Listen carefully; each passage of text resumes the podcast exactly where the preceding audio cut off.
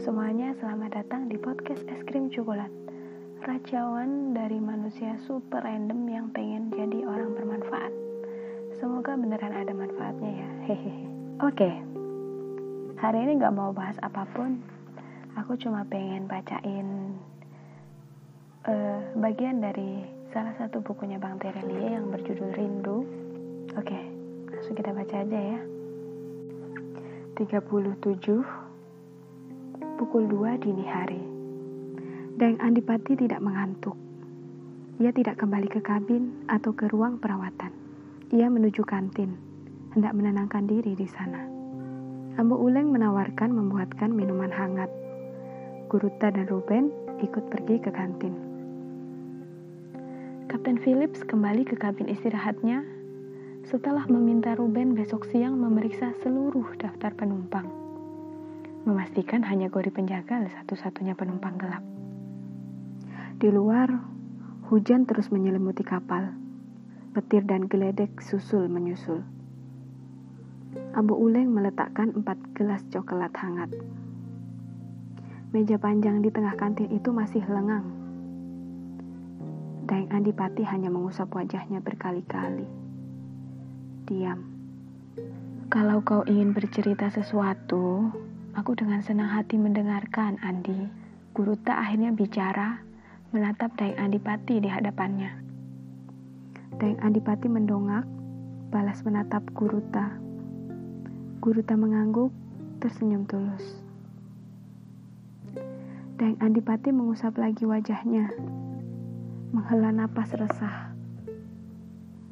Sejak pertama kali naik kapal ini, melihat Guruta di masjid, Aku sebenarnya sudah hendak bercerita, tapi dan Andipati akhirnya berbicara pelan. Aku sungkan, khawatir mengganggu kesibukan Guruta. Lagi pula, itu masalah yang sangat pribadi. Tidak semua orang bisa mendengarnya. Guruta tersenyum. Baik, kalau kau hanya bersedia bercerita padaku, Ambo Uleng dan Ruben bisa meninggalkan kantin. Tidak, bukan itu maksudku, Guruta. Aku selalu merasa bisa mengatasinya. Sejak kecil aku selalu menyelesaikan masalah sendirian. Ruben bisa tetap di sini. Dia yang telah memulai percakapan itu tentang kebahagiaan sejati. Ambo juga bisa tetap di sini. Malam ini dia menyelamatkanku. Dua minggu lalu di Surabaya, dia menyelamatkan Anna. Dia sudah lebih dari keluarga, bukan orang lain. Ambo Uleng dan Ruben tidak jadi beranjak pergi, kembali duduk. Apakah aku bahagia, Guruta? Aku tidak tahu. Daeng Andipati menunduk menatap meja, menghembuskan napas resah diam sebentar. Aku memang memiliki semuanya. Harta benda, nama baik, pendidikan, bahkan istri yang cantik, anak-anak yang pintar dan menggemaskan. Semua orang mungkin bersedia menukar hidupnya dengan apa yang kumiliki. Tapi mereka tidak tahu, sama sekali tidak tahu. Aku justru kehilangan hal terbesar dalam hidup ini. Apakah aku bahagia? Hidupku dipenuhi kebencian, Guruta. Sejak usia 15, hatiku sudah terbakar amarah dendam. Daeng Andipati diam lagi. Membuat kantin juga lengang. Kami tujuh bersaudara. Aku anak keenam. Tujuh-tujuhnya laki-laki. Ayahku adalah seorang pengusaha besar dia amat terkenal di Makassar. Guruta pasti kenal. Anak Arung dari Patoto. Guruta mengangguk. Ia tahu nama itu. Tapi orang-orang hanya melihat kulit luarnya saja. Keluarga bahagia, terlihat kompak, selalu tersenyum. Mereka tidak tahu apa yang kami alami di rumah. Ayahku suka memukul. Jika marah, dia akan memukul kami. Dia juga suka memukul ibu. Tidak terbilang berapa banyak pukulan yang diterima oleh ibu. Aku kadang menangis melihatnya. Tidak habis pikir, kenapa ibu tetap bertahan. Mencintai ayah begitu besar. Setelah perlakuan kasar yang diterimanya.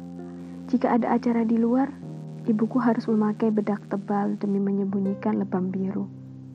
Memakai kerudung lebar agar tidak terlihat rambutnya yang terbakar. Mengenakan pakaian tertutup agar tidak nampak luka di badannya. Orang-orang hanya melihat kulit luarnya saja, gelimang harta, kereta kuda bagus, nama terhormat. Seolah semua itu memang penuh kehormatan. Ayahku culas dalam berdagang. Dia tidak segan-segan berbuat licik untuk mendapatkan sesuatu. Dia sengaja menjerat orang-orang dengan utang untuk kemudian mengambil paksa harta benda. Dia memiliki tukang pukul. Orang-orang tidak tahu kalau ayah mengendalikan mereka, tapi aku tahu persis. Malam-malam, tukang pukul itu datang, menunggu perintah. Besok siapa lagi yang harus dihabisi? Kemudian malam berikutnya mengambil upah atas pekerjaan kotor tersebut. Kami hidup bagai dalam neraka di rumah. Kakak-kakakku, sekali mereka sudah bisa mandiri, memutuskan pergi. Dua kakak tertuaku pergi ke Surabaya. Orang-orang hanya bilang, aduh anak Dayang Patoto belajar di Surabaya. Dua kakakku lainnya pergi ke Batavia. Orang-orang hanya bilang lagi, alangkah pintar-pintar anak Dayang Patoto, berangkat belajar ke pulau seberang semua. Mereka tidak tahu empat kakakku itu lari dari rumah. Aku tahu siapa itu Gori penjagal. Dia adalah kepala tukang pukul yang berada di bawah kendali ayah. Malam ini kenapa dia hendak membunuhku? Karena dia berniat membalaskan dendam kesumat puluhan tahun silam. Aku hampir tiap malam menguping pembicaraan di ruang tamu saat ayah menerima orang-orang suruhannya. Gori penjagal pernah gagal melaksanakan tugas. Ayah marah besar, mengusirnya. Gori minta maaf, bilang berikan kesempatan kedua karena dia punya bayi di rumah, istri yang harus dinafkahi. Ayah tetap menghukumnya tanpa ampun, menjebak dan melaporkannya ke tentara Belanda, bilang Gori adalah pembunuh. Ayah menyuap banyak tentara, dengan mudah Gori dijebloskan ke dalam penjara selama 10 tahun. Bayinya meninggal saat dia di penjara. Hanya karena gagal melaksanakan tugas, cukup bagi ayah untuk menghukum anak buahnya. Di rumah hanya karena kami menumpahkan air di lantai, cukup bagi ayah menampar. Hanya karena masakan ibu tidak enak, cukup bagi ayah menendangnya. Untuk besok lusa, di hadapan kolega, pejabat, dan pembesar, ayah berlagak seperti orang baik sedunia. Bangsawan terhormat. Itu semua dusta, Guruta. Kebangsawanannya semua dusta. Dan Andipati tercekat. Suaranya terputus. Ia tergugus sebentar. Ruben menelan ludah. Tidak percaya apa yang ia lihat. Seseorang yang beberapa hari lalu ia sangka amat bahagia, sekarang menangis. Usia aku 15 tahun saat aku menyaksikan kejadian pilu itu. Ayahku memukuli ibuku karena alasan sepele. Ibu lupa membuatkan kopi untuknya. Ibu dipukul, ditendang, hingga terduduk di sudut ruangan. Ayah pergi sambil berseru-seru marah. Aku memeluk ibu. Kakak-kakak dan adikku terlihat takut. Mereka bersembunyi di kamar. Aku masih bisa menatap wajah ibu yang lebam. Rambutnya yang kusut masai. Aku memeluknya, menangis. Ibu hanya berbisik lirih. Kau jangan menangis, Andi. Anak laki-laki ibu tidak ada yang menangis. Bagaimana aku tidak menangis? Ibu disakiti sedemikian rupa sepanjang hidupnya. Tidak ada kebahagiaan di rumah kami. Hanya ada kesedihan sepanjang hari. Aku bilang pada ibu, "Kenapa kita tidak pergi saja? Kita bisa pindah ke kota lain." Ibu menggeleng. Dia tidak akan meninggalkan suaminya. Aku sungguh tidak mengerti. Apalagi yang tersisa yang hendak ibu pertahankan. Dayang Andipati terdiam lagi, menyeka ujung matanya. Sejak hari itu ibu jatuh sakit dan enam bulan kemudian dia meninggal. Aku menemaninya di tempat tidur saat dia pergi selama-lamanya. Enam bulan terakhir, Tidak sekalipun ayah datang ke kamar ibu dirawat. Dia sibuk dengan usaha dagangnya. Bilang ke orang-orang istrinya sedang sakit keras. Tapi dia sendiri tidak pernah memanggil tabib atau dokter. Dia sibuk dengan tukang pukulnya. Ayah memang seolah terlihat sedih saat proses pemakaman ibu. Menangis saat memberikan kata sambutan. Tapi aku tahu itu dusta, Guruta. Itu semua dusta. Suara Dayang Andipati tercekat lagi. Guruta menghela napas. Aku hadir di pemakaman ibumu, Andi. Dan Andipati mengangguk. Ia masih susah payah mengendalikan diri agar bisa melanjutkan cerita. Sikap ayah tidak pernah berubah. Walau ibu telah pergi, dia semakin kasar. Tangannya semakin ringan. Kami hanya bertiga di rumah, ayah, aku, dan adikku. Satu-satunya kakakku yang tersisa sudah menyusul yang lain pergi ke pulau seberang. Jadilah aku dan adikku sebagai pelampiasan marah ayah bertahun-tahun. Aku membencinya. Aku membenci ayahku sendiri. Seharusnya aku juga ikut menyusul pergi kakak-kakakku, tapi aku tidak bisa melakukannya. Sebelum meninggal, ibu berpesan agar aku menjaga adikku, si bungsu. Usiaku 22. Adik bungsuku 18 telah selesai sekolah. Kami berdua akhirnya bisa pergi dari rumah itu. Aku tidak pamit. Ayahku juga tidak peduli. Aku membawa adikku ke kakak sulung di Surabaya. Si bungsu tinggal di sana. Aku sendiri pergi ke Batavia. Kemudian melanjutkan perjalanan ke Rotterdam. Empat tahun aku sekolah di sana. Orang-orang lagi-lagi bilang, bukan main. Anak Dayang Patoto dikirim sekolah ke negeri Belanda. Mereka hanya melihat kulit luarnya saja, mereka tidak pernah tahu seluruh kesedihan keluarga kami. Dan Andipati diam lagi. Aku bersyukur memiliki keluarga yang lebih baik sekarang. Aku bersumpah tidak akan pernah memukul Anna, Elsa, dan istriku. Aku akan membesarkan mereka dengan kasih sayang. Aku juga bersyukur memiliki harta benda yang cukup. Aku bersumpah tidak akan pernah menyakiti atau mengorbankan orang-orang di sekitarku. Aku menghormati pegawaiku, kuli angkut, rekan dagang, semuanya. Aku seolah memiliki semua sumber kebahagiaan hari ini, tapi kebencian ini, kebencian ini semakin pekat setiap harinya, Guruta. Ayahku sudah meninggal lima tahun lalu. Ribuan orang datang mengantarnya ke pemakaman, dimakamkan di samping ibu. Kami tujuh bersaudara juga pulang semua. Kami terlihat sedih dan kehilangan. Tapi kami sudah terlalu pandai bersandiwara sejak kecil. Mereka tidak tahu, setelah pemakaman, kami dalam diam berpisah satu sama lain. Kakak-kakakku kembali ke kota masing-masing. Tanpa bicara sepatah pun. Aku pikir dengan meninggalnya ayah, kebencian itu akan berkurang. Nyatanya tidak, aku hidup dalam kubangan yang sama. Sejak melihat guru tadi masjid kapal, aku sudah ingin bertanya, Bagaimana mungkin aku pergi naik haji membawa kebencian sebesar ini?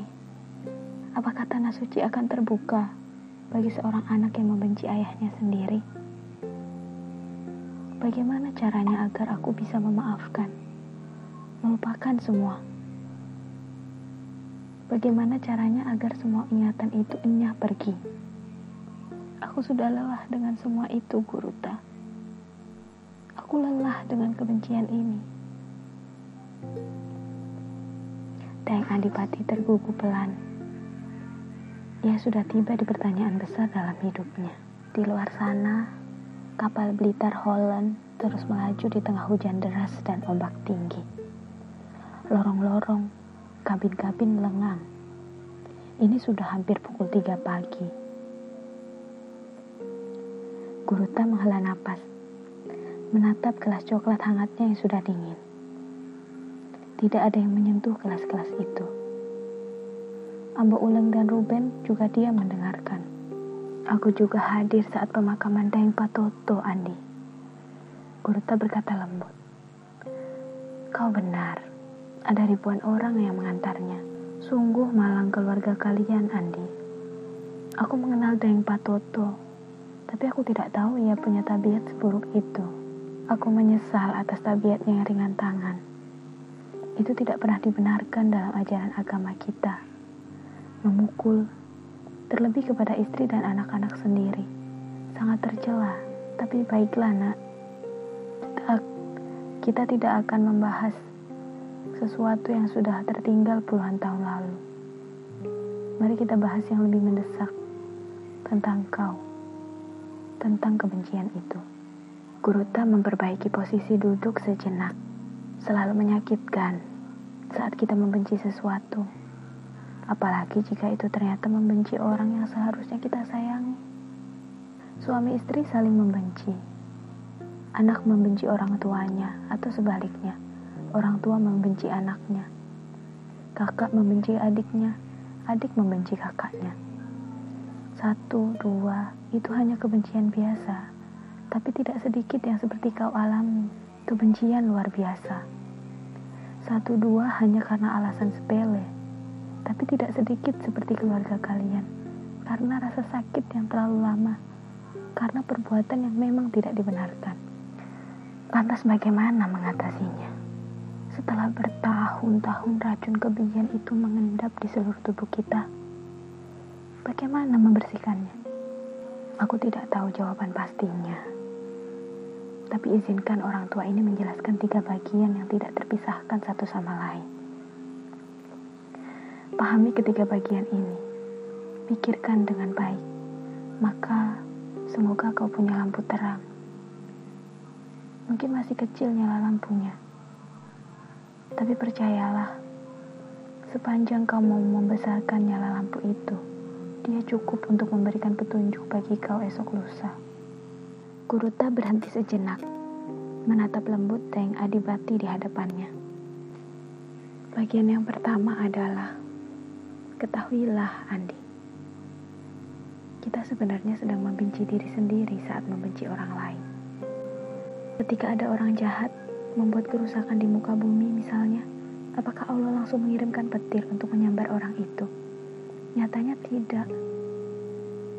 Bahkan dalam beberapa kasus, orang-orang itu diberikan begitu banyak kemudahan.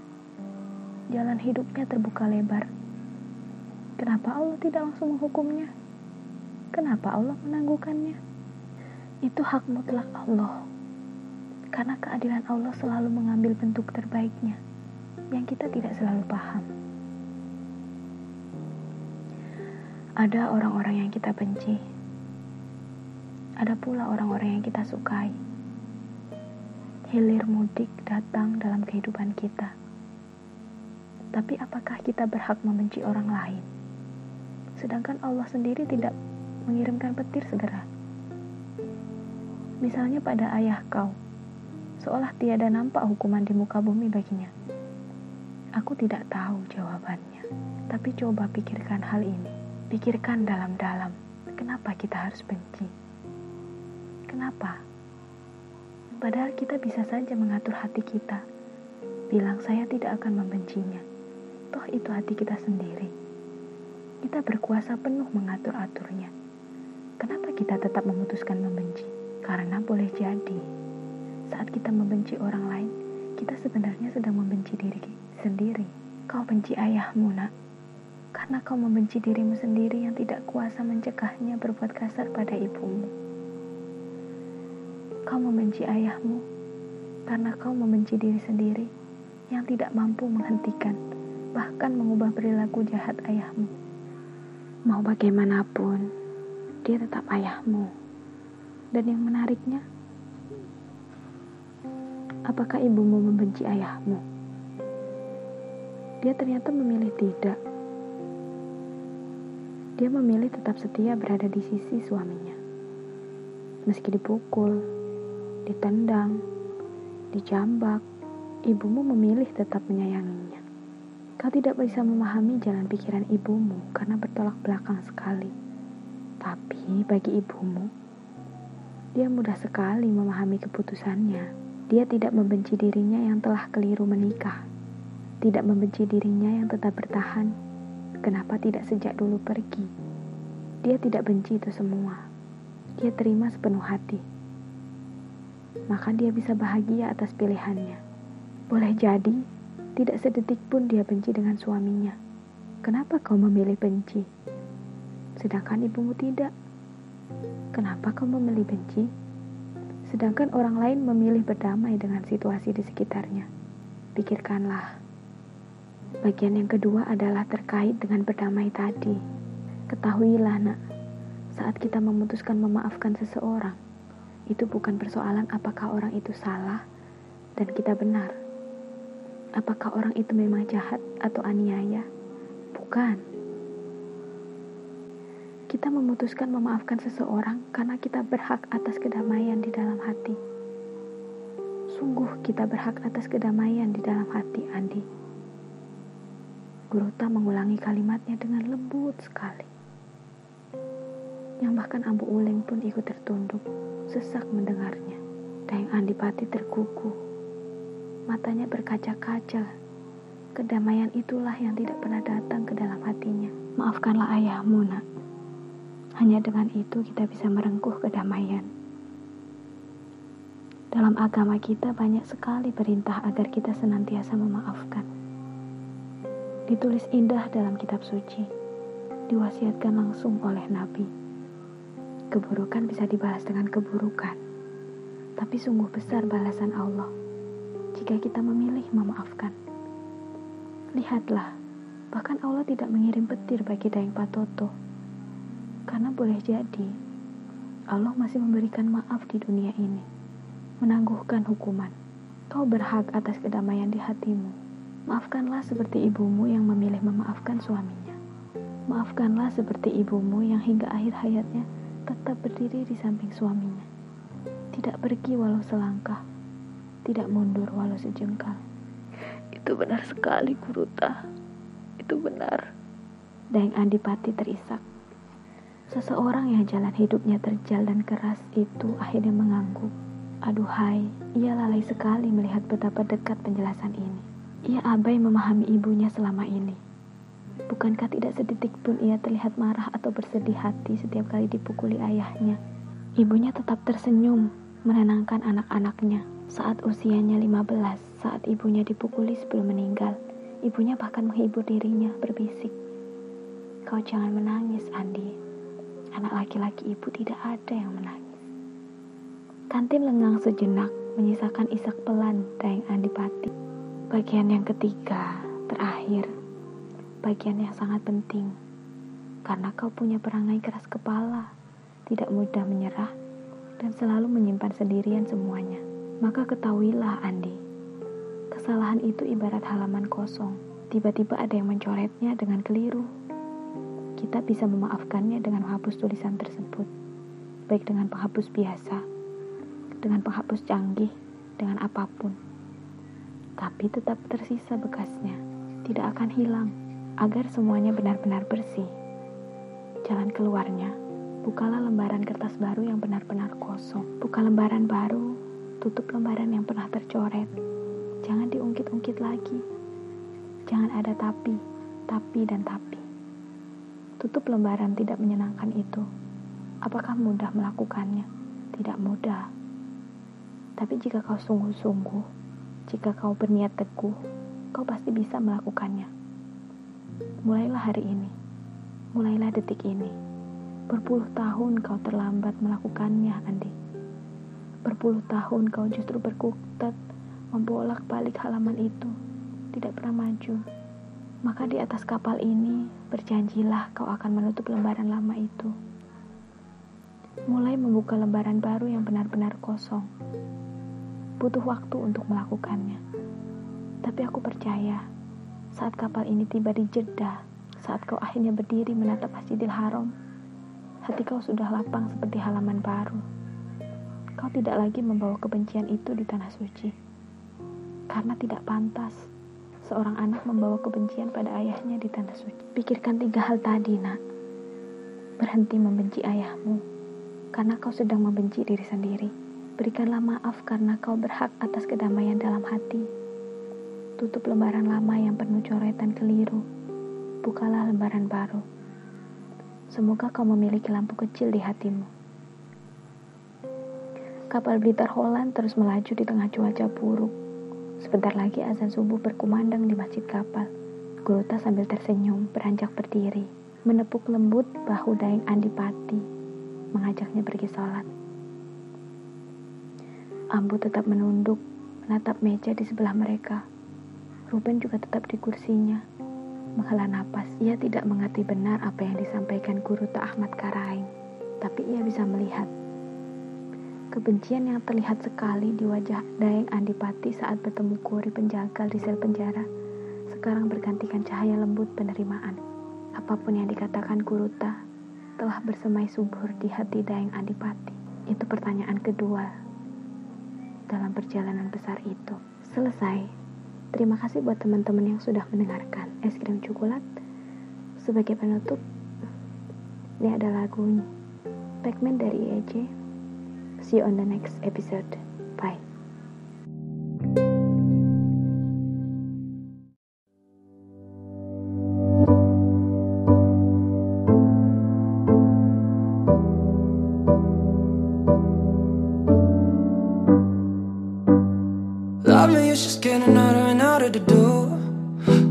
Got my phone keeps calling you.